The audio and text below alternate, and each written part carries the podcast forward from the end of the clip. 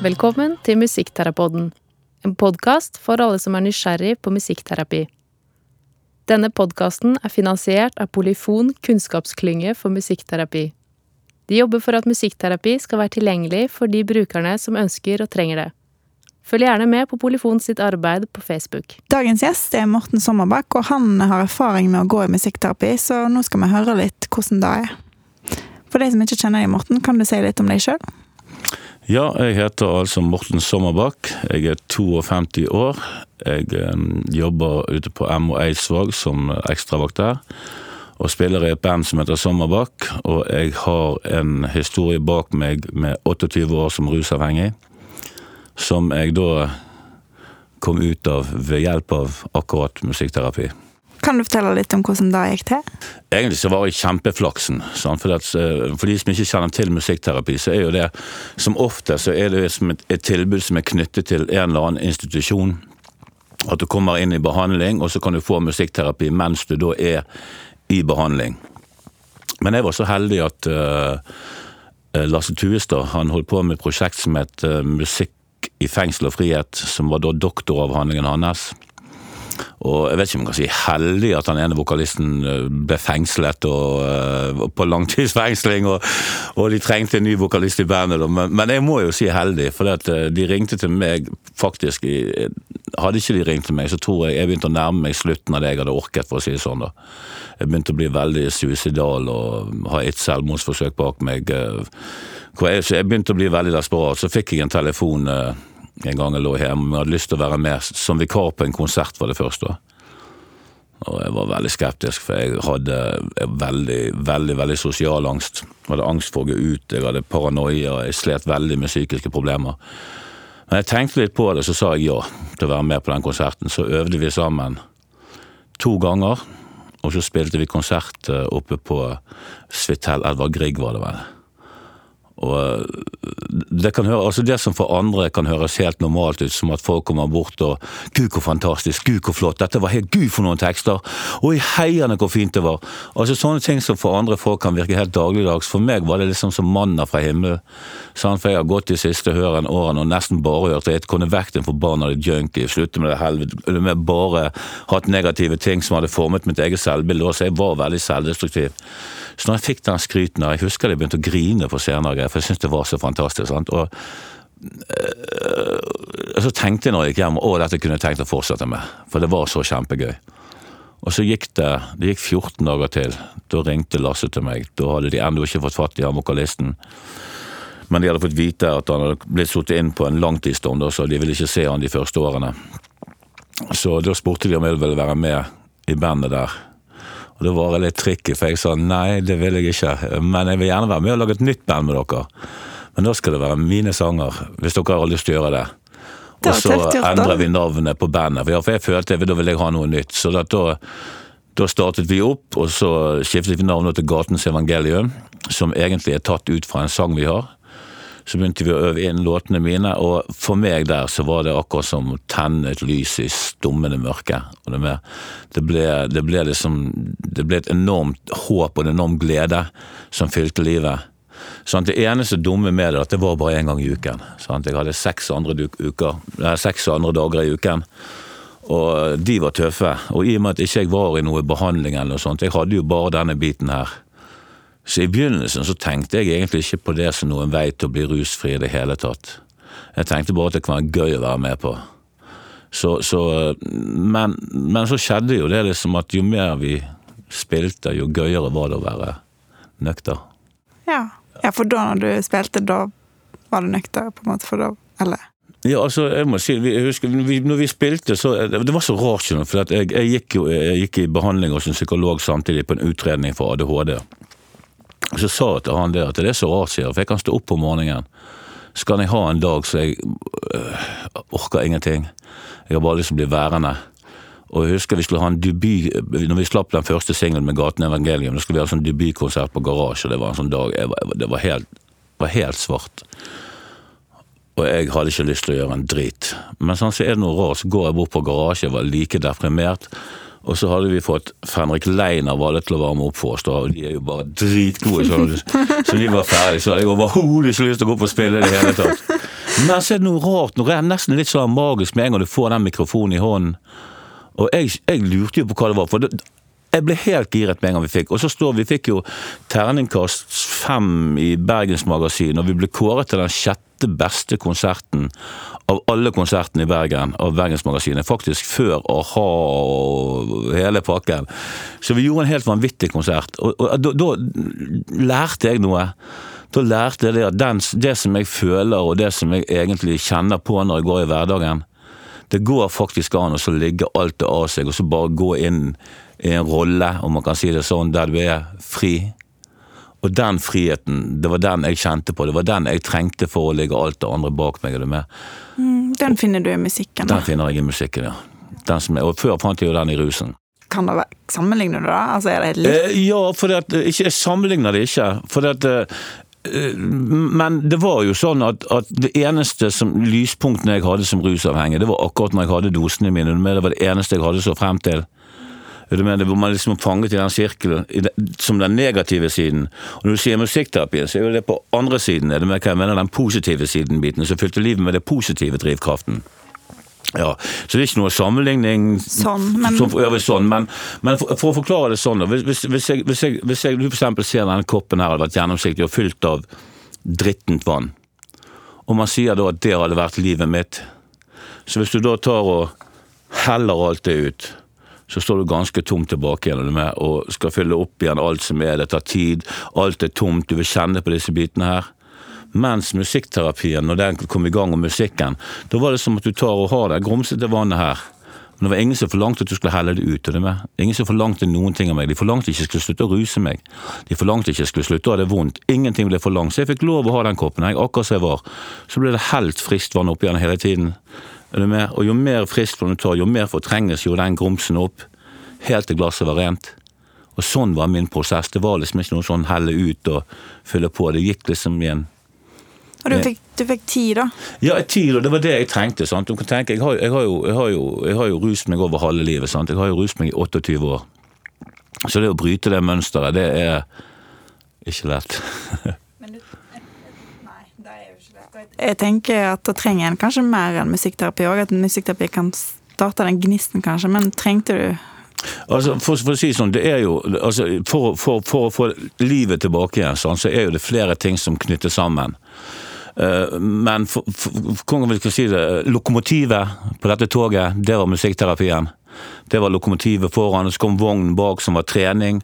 Så kom vognen bak som var sosial eh, mingling, at jeg måtte bare ut igjen. Så kom vognen bak som ble arbeid, og vognen bak som var familiegjennoppbygging. Så har du liksom, Men det som dro hele lasset, sånn at jeg kom meg fremover, at tingene fungerte, det var musikkterapien. Så man kan si at det var liksom drivkraften i, i hele prosessen. Du sier jo at eh, du hadde skrevet tekster før du ble med i Gatens evangelium. Jeg lurte på hvordan måte, har forholdet ditt til musikk vært før du begynte i bandet? Det har vært en veldig stor del av livet mitt. Og for meg så har det vært sånn, jeg har jo spilt veldig mye for venner og sånt i rusmiljøet da. Og eh, vi har jo opplevd også at jeg treffer dem. altså det er mer for meg så ble det dagbøker. Jeg skrev liksom ikke sånn, eh, sånn 'Jeg ser deg på fjellet, og du var fin' Jeg skrev ikke sånne tekster. Jeg skrev ting som jeg slet med, og som var kanskje dypt personlige. Ting som jeg aldri ville klart å fortelle noen. Jeg ville hatt veldig vanskeligheter med å ha sagt at sånn og sånn og sånn har jeg det i livet. Men hvis jeg pakket det inn i en tekst og en melodi, så fikk jeg liksom ut denne tingen. Altså for meg så er liksom låtene jeg har skrevet frem til i dag, det er vel egentlig dagbøker. Altså kan man si fra, fra elendighet og smerte, og også glede. og men sant, det er jo derfor det første vi gjorde, det var ganske dystre tekster. da, for å si sånn. Det var ikke akkurat 'jeg er skyld i det sjøl' og 'løp for liv' og 'til helvete'. og Det, det er jo ganske mørkt bilde, da. men men allikevel så har det jo en essens, en sens av håp i seg. For det var jo det jeg hadde når jeg skrev musikken. Det har jo alltid vært den biten. Det var jo det når jeg var ferdig med en låt, så kjente jo jeg håp. Og jeg lover deg, jeg har hatt så mange Jeg har, vært- jeg har sittet hjemme og vært ruset og sittet og grenet for meg sjøl mens jeg har hørt min egen musikk og drømt om takketale jeg skulle holde på Spelemannsprisen en gang i livet. Ja, men sant, disse drømmene her, de er, helt, de er helt banale og alt, men de bærer deg ofte gjennom veldig mange ting. Og, og, og tekstene mine gjorde også det. De klarte, for meg i alle fall, å få ut det som veldig mange kanskje ikke klarer å få ut og uttrykke når de har det vondt, så klarte jeg med musikken. Ja, Så da ble det på en måte din egen terapi, da, kanskje? Ja, det var jo det. Men, men, men, men det ble jo sånn at eh, jeg skrev jo bare musikk når jeg hadde det helt jævlig, da. Er du med? det var stort sett da, liksom. Så, så, så jeg hadde jo ingenting som kunne få vekk det jævlige. For når jeg var ferdig med den låten og grene meg igjen, og oh, det var flott, og sånn, så gikk jo det. Dagen etterpå så var jeg på'n igjen. Og så ruste vi oss noen uker til og fikk det helt forferdelig. Ja, det er forferdelig, skrev jeg en ny låt. Så det var, det var, ikke så mye. Jeg skrev ikke så mye sanger når jeg var glad. Da var jeg ute og hadde det gøy. liksom. Men når jeg var deprimert og tungsindig, hadde det vondt. Det var da musikken kom til. Men da trenger vi jo ofte musikk. Altså, Vi har jo sett jo musikk på triste på det triste livet. Ja, jeg tror, altså. Jeg tror, altså, vi, vi tenker jo sånn, altså Musikkterapi har jo vært brukt i alle år. Altså, Jeg vedder på at alle vi som er her i rommet, når vi hører én spesiell sang, så kan vi linke den til en forelskelse, til en kjærlighetssorg, til et veldig godt øyeblikk. Alle har sånne sanger, og det er ofte musikk som Jeg har i hvert fall det, som hvis jeg hører The River, så tenker på min første kjærlighet. Og, så, altså, jeg har sanger som er knyttet til helt spesielle minner, og det er jo også terapi. Sant? Du kan jo gå helt tilbake til bibelhistorien. Så står det, det står om han eh, var en eller annen konge som hadde det, kong Saul heter han vel. Ja, og han, Det står at han var plaget av demoner. Jeg tror jo han var plaget av uh, sine egne psykoser, da, hvis man tenker det rent menneskelig. Men så sto det det at når David tok frem harpen og spilte for han, så ble han glad til sinns, og mørket forlot han. Og det også er jo musikkterapi. eller med musikkterapi, ok, Én ting er å være inni det, men det er jo også å lytte til det, og være i det, og bruke det. og Det er jo et veldig vidt begrep. Og det er en del av livshistorien vår, på en måte, da, sånn som når du sier liksom, her, The River, da var min første kjærlighet. sant, og ja, altså, det, det, liksom, Musikken er liksom soundtracket til livet vårt, eller ja, det, ja, der sa du det. Det var veldig bra sagt. Soundtracken til livet. Og det tror jeg vi kunne laget alle. Vi kunne laget liksom egen liksom, soundtrack til mitt liv. Så kunne vi hatt en sånn låtliste som hadde gått gjennom livet. Det tror vi hadde klart hvis vi hadde satt oss ned. Og det, ja, det var en moro idé. Hm. Du sa jo da, eller du sa at du ble invitert inn i bandet. Var det via vennene, eller var det Mor nei, Lasse som musikkterapeuten som visste Nei, det var, det var en, av, eh, en av kameratene som jeg hadde fra rusmiljøet som hadde kommet inn i det prosjektet, og han kom inn når han var satt ute i Bergen landsfengsel. Og så Det var han som ringte og spurte meg først og sa det at nå var vokalisten vekke, og jeg hadde lyst til å prate med dem og være med på en øving, for de trengte kanskje en, en, en, en vikar. da. Og så eh, kom, jeg, da, så kom jeg ut og øvde med dem på Eknes. Så traff jeg Lasse og pratet med han, og så eh, som sagt så gikk det etter den spillejobben så, så gikk det 14 dager, og da ringte Lasse meg og spurte om jeg hadde lyst til å bli en del av dette prosjektet. Hvordan er det sosiale livet når du går fra aktiv rus til liksom å ta et valg om at nå skal ikke ruse meg lenger? Jeg skulle gjerne sagt at det er helt fantastisk, men det er helt grusomt. Altså, det, det, det er helt, altså, for folk tenker jo sånn altså, Jeg syns altfor ofte så har man, og det, det, var det som var så heldig for meg, for altfor ofte så har man liksom eh, Så er rusen liksom det første som skal vekk. Du skal ikke ruse deg, og så kan vi begynne med alt det andre. Men sant, man tenker jo ikke på det at når man, når man, slutter å ruse seg, så er ikke det bare rusen som er vekke. Det hele verden din, alle vennene dine, omgangskretsen din, tiden din, det du gjør på å skaffe stoff, bruke stoff. Alt. Hele verden din kollapser. Og så skal du bygge opp et helt nytt liv. Og øh, det er ikke lett. Så, så precis sånn, selv det første året da jeg var i musikkterapi, det var ikke godt år, ikke det første året. Det var godt hver torsdag når vi var ute og spilte. Resten av tiden var, for å være helt ærlig, helt jævlig, egentlig. Sånn, fordi at eh, jeg ble sittende alene. Sånn, Jeg hadde ingen venner. Var, de fleste var, eh, de ruste seg. Sånn, Så det var disse treffene når vi var på Polifon, eller vi var i brukermøte, eller vi skulle ha konserter eller foredrag. Det var da jeg levde. Resten av tiden så lå jeg bare hjemme i dvale og så på Netflix og spiste chips. ja, men, det, rare, det, er jo, det er jo rart med det, for jeg husker så godt at min mor hun sa hun var, eh, hun, hun var jo veldig glad for at jeg hadde blitt rusfri, og jeg fikk lov å flytte hjem til de å være der og bo der første året, og sånn det skulle være trygg. Og det var jo veldig veldig snilt. Men jeg husker så godt at det var en dag da var jeg skikkelig deprimert. Og Da satt jeg ned og tenkte jeg har ingen venner lenger. Jeg har ingen å prate med. Jeg sitter helt alene. Skal jeg gidde dette her mer? Og jeg ble faktisk reddet for jeg begynte å lese sånn, for min mor jeg hørte hun snakket i telefon med en venninne. Hun er østlending, så hvis jeg skal invitere henne, så må jeg bli østlandsk. Og så sier hun 'Ja, Morten! Å, det går så bra med Morten! Og det er helt fantastisk! Han har ikke rust deg på mange, mange, mange måneder!' Og jeg satt nede og hørte på den samtalen der og bare tenkte hvem er det du snakker om? Hvem har det så fantastisk? Hvem har det så utrolig bra? Jeg har jo aldri hatt det så kjipt. Skjønner du? Kontrastene. For for hun var den største lettelsen at jeg var rusfri. Mens for meg så var ikke det en lettelse, det var en byrde. For rusen var det stedet jeg flyktet når jeg hadde det vondt. Nå hadde det bare vondt. Så hadde jeg denne musikkterapien en gang i uken, og de seks andre dagene hadde jeg det vondt. Og, og, og lå hjemme og ja. Men jeg ble reddet ut fra det og ved en tilfeldighet, så Hvis du skulle gitt et råd til Morten for 28 år siden, før du havna i rusen, eller sagt noe til han? Ja, da hadde jeg sagt ikke slutt å arbeide. For i arbeidet der har du et sosialt liv, du har et sosialt nettverk, du har venner, du har folk rundt deg, du har et miljø. Og selv om jeg hadde slet, så hadde jeg sagt til meg sjøl selv om du begynner å ruse deg, så slutt ikke å jobbe. Og tenk ikke at du ikke skal på jobb, på jobb fordi du har fått penger til rus. Det hadde jeg sagt til meg sjøl, og så hadde jeg holdt, ristet meg godt i øret. For jeg tror egentlig så var det der det begynte å skli utfor for meg. Det var ikke liksom ikke akkurat når jeg ruste meg i begynnelsen, men det var når jeg sluttet å gjøre disse vanlige tingene. Som å ha et arbeid og ha en fast ting å gå til. at alt det, og Du går på Nav og går og slenger og du vet, moro en liten stund, men så Ja, liksom At du slipper opp på rutiner og liksom lar ting flyte av gårde, da, på en måte? eller? Ja, og så vil jeg, men så, men så vil jeg også sagt til meg sjøl Hør, Morten, hva du enn finner på, ikke stikk den nålen i armen. Det vil jeg også sagt til meg. For den har aldri, den har aldri gjort meg noe godt. Men tenker du at alle kan eh, Alle kan oppleve det som du har opplevd, på en måte, og hatt et vanlig liv, da, og så havne utpå, og så komme seg tilbake igjen til noe som du Som du har, er stolt over nå, da? Sånn, altså, jeg, jeg sier sånn så at eh, det er veldig viktig også for de som jobber som både musikkterapeuter og andre terapeuter, å vite at, at et narkotikamiljø, altså et rusmiljø, det er like stort som et vanlig miljø. Sant? Så, så de du ser på Strakshuset, eksempel, de som sitter med knærne og fyrer i en sprøyte ute, det er ofte mennesker som kommer fra, fra traumatiske oppvekstforhold, som har veldig mange traumer, i tillegg til rusavhengigheten. Så har de traumer, de har ingen rundt seg, de har ingen støtte, de er veldig alene, og mørket omslutter de totalt. Jeg var heldig. Jeg, jeg, og jeg tror det er fordi at jeg hadde et, et liv før jeg begynte med å ruse meg. Sant? Jeg var yrkesmilitær, jeg var voksen når jeg begynte å ruse meg. Jeg var 20 år når jeg begynte. Så jeg tror det at, Og pluss at jeg, familien min går aldri opp. Jeg hadde en ressurssterk familie som alltid var der. Så når jeg bestemte meg, sånn, til og med i en alder av 48 år, når jeg, når jeg sluttet nå, så fikk jeg lov å flytte hjem igjen til mamma og pappa og komme ned på gutterommet mitt og være der et år.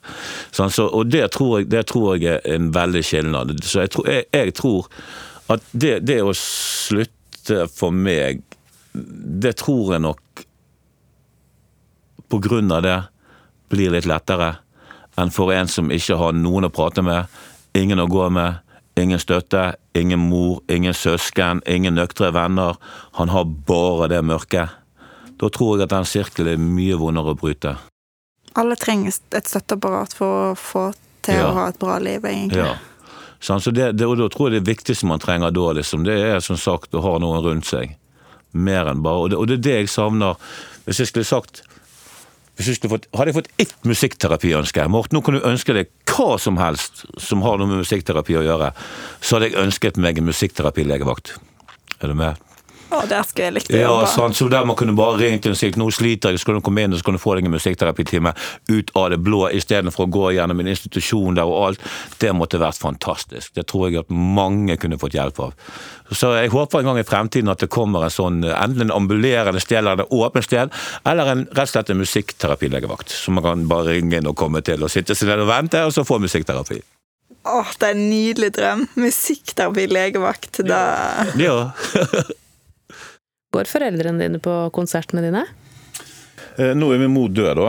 Ja. Men hun fikk eh, heldigvis fikk hun oppleve både å være på konsert med meg og se meg rusfri. Det var jo det som hadde vært drømmen hennes hele livet og jobbet for. Hun hadde virkelig vært der for meg. Så Hun døde for to år siden, så hun fikk lov å være med meg noen år mens jeg var rusfri. Ja da, de har vært på Min mor har vel vært på tre konserter, og min far har vært på to. Men min far han liker jo ikke musikk i utgangspunktet, han har aldri likt musikk. Men til og med han sa at dette var flott. Så ja. Så fint at hun fikk oppleve det. da. Ja, det syns jeg òg. Jeg er så glad for det. Det gir meg en sånn veldig god følelse. At jeg vet liksom, for hun, hun, hun var jo den som kjempet mest for at det skulle gå bra med det, og hjalp meg og alltid stukket til med litt ekstra. Litt penger, litt mat. Og, og så fikk hun oppleve det. Det syns jeg var veldig, veldig godt. Så var det veldig mange som var redd når hun døde, da, for hvordan skal det gå med Morten. For jeg var, jeg, var jeg, jeg, jeg skal være ærlig og si jeg har vært skikkelig mammagutt. altså Veldig mammagutt. Så det var veldig mange som trodde jeg skulle sprekke når min mor døde, og da ble jo jeg litt Da kom alle bort til meg og spurte hvordan går det med det, klarer du det bra nå? Og da ble jeg litt pissed. For jeg følte liksom hallo, min mor er død, og så tror du at jeg skal ut og ruse meg. For, det, for meg så ble det stikk motsatte. For meg var det gud hvor deilig dette er, sånn skal det fortsette. Men jeg skal gjøre ære på hennes minne. Musikk har jo vært veldig viktig for deg, har vi skjønt. Eh, Og vi er jo veldig glad i å dele med musikk med hverandre, og vi lurte på om du hadde noen musikktips som du ville dele med lytterne våre? Ja, altså, jeg har jo jeg har masse liker, da. Eh, Hvis jeg skal ta et uh, eksempel på en litt nyere en, da, så vil jeg anbefale, hvis du er litt deprimert en dag og har litt kjærlighetssorg, så går du inn og så hører du på Kensington, og de har en sang som heter Sorry. Den er veldig, veldig, veldig bra. Ellers så vil jo jeg anbefale og Det er en del musikkterapeuter, dette her er veldig bra, som har laget spillelister på Spotify. Jeg har også laget en spilleliste på Spotify med 195 sanger. Som jeg, den har jeg gjort offentlig, og den lå ut på Facebook. Så det er sanger der jeg, jeg skrev at jeg vil gjerne ha et sangforslag fra alle, en viktig sang, som musikkterapeut i sang som har betydd noe i livet ditt. Og da fikk vi en hel liste, jeg tror det er 190 sanger med, med, med fra 190 ulike mennesker med en sang som har betydd noe spesielt i livet. Og Det ligger en del sånne lister på Spotify, og de er gode å gå inn på. For dette får du jeg, For min del liker jeg musikk som gir meg noe tekstmessig og åndelig som jeg kan oppleve. Det kan, ja, det kan være instrumentalt òg, men det, det er en helt annen greie. Men jeg, jeg liker ting som forteller noe og har en historie. Og da er disse listene de vil jeg anbefale. Band liker jeg alt. Jeg liker alt som er bra. Men Kensington spesielt, sorry, den må du høre på. Bra, godt tips. Godt tips, og kanskje vi får dele lista di på ja. Tusen takk for at du kom, Morten. Takk for at jeg fikk lov å komme. Det var veldig hyggelig. Kjempekjekt å ha deg her. Ha det!